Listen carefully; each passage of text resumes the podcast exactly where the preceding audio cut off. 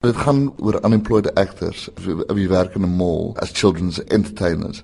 En hulle is amper klaar met hierdie job en is uh, en is hulle verskriklik erg. En uh, ons ontmoet hulle op die, die dag waar alles verkeerd gaan. En dan begin hulle drink en ehm um, hulle ontmoet 'n klein ouetjie wie hulle lewens hel maak. Jy het 'n interessante storie oor hoe jy op die idee gekom het vir die stuk en toe jy op die stuk ontwikkeling geskryf het. Die regisseur Greg Pavelis en een van die actors in die Eccles Pauling. Hulle het in haar jobs uh, gewerk en het hulle en hom uitgekom en gesê ons het hierdie idee vir 'n play. en toe sê ek nee uh ek ek wil ek wil ernstige aard skryf. Ek wil nie hierdie skryf nie. En toe kry ek dit nie uit my kop uit kry nie. Toe 'n jaar later het ek um, 'n um, skrip en ons noem um, uh, ons almal ons noem mekaar champ. Ek het hulle gevra maar jy weet ons het ons het 'n naam nodig vir die play. En toe sê hulle maar hoe kan jy met 'n champ nie? Sê ek nee, ons moet ons moet 'n ernstige ons moet 'n regtig jy weet jy weet iets slims en en toe in die word 'n champ.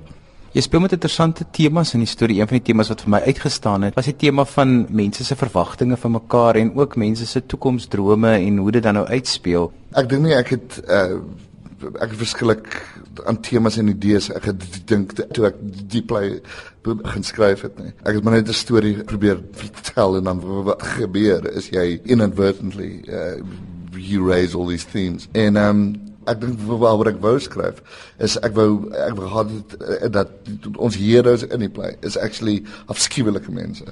Hulle praat lelik, hulle dink lelike goeters, hulle is hulle is lelik met mekaar, met vrouens, met hulle family en alles. En dan eh, aan die einde van die play en dan gebeur daar sulke lelike goeters met hulle dat ons begin afhou. Ons het geen ander keuse om te gaan. Ja nee, hierdie screwed up mense is actually hulle is net mense.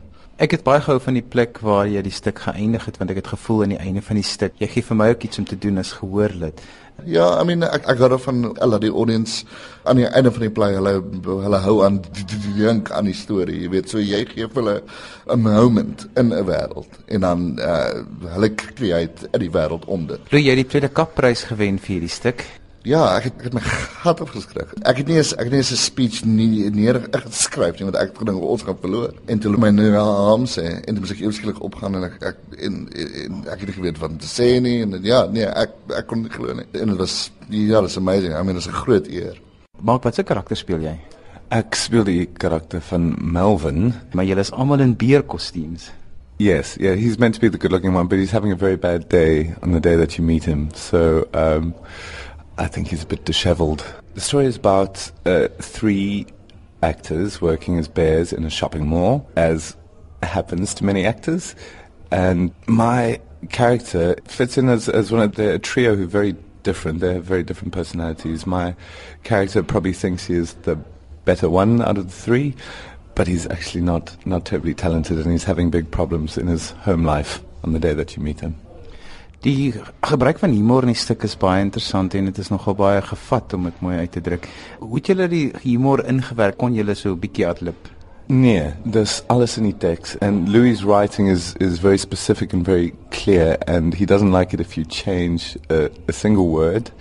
So we worked with the text a lot and and obviously trying to put in your own your own spin on top of it, but the text is definitely the key for, for all the comedy in this. Daar's 'n baie spesifieke chemistry tussen julle akteurs en dit het voel ook baie vir my of julle van die verhoog af net so met mekaar oor die weg kom soos op die verhoog. Is daar enige interaksie wat ons moet van weet?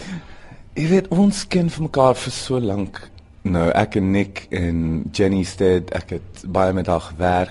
Allie ken ek nie so goed nie, maar you know, you see each other everywhere and then when you when you get on stage it is it is like a bit of a reunion.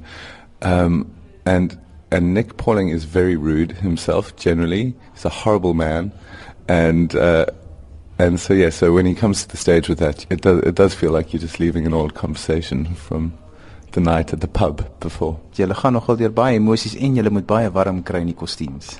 Dis baie warm in daai kostuums. We don't have to wear the heads the whole time because otherwise I think we would have died. Um it's it's a very energetic show. It's it's only an hour and a quarter, but but it's like a good gym session in there because it's it's so quick and the words are so fast. Everything's happening very quickly. Last night I thought I was going to pass out. Actually, uh, I'm reasonably fit, but there was one scene where I just suddenly, I, you know, couldn't find my breath, but I did some push-ups today, so I think I'm ready for it tonight. Wat is die hoogtepunt sover vir julle stuk gewees want julle doen dit nou al vir 'n tweede keer?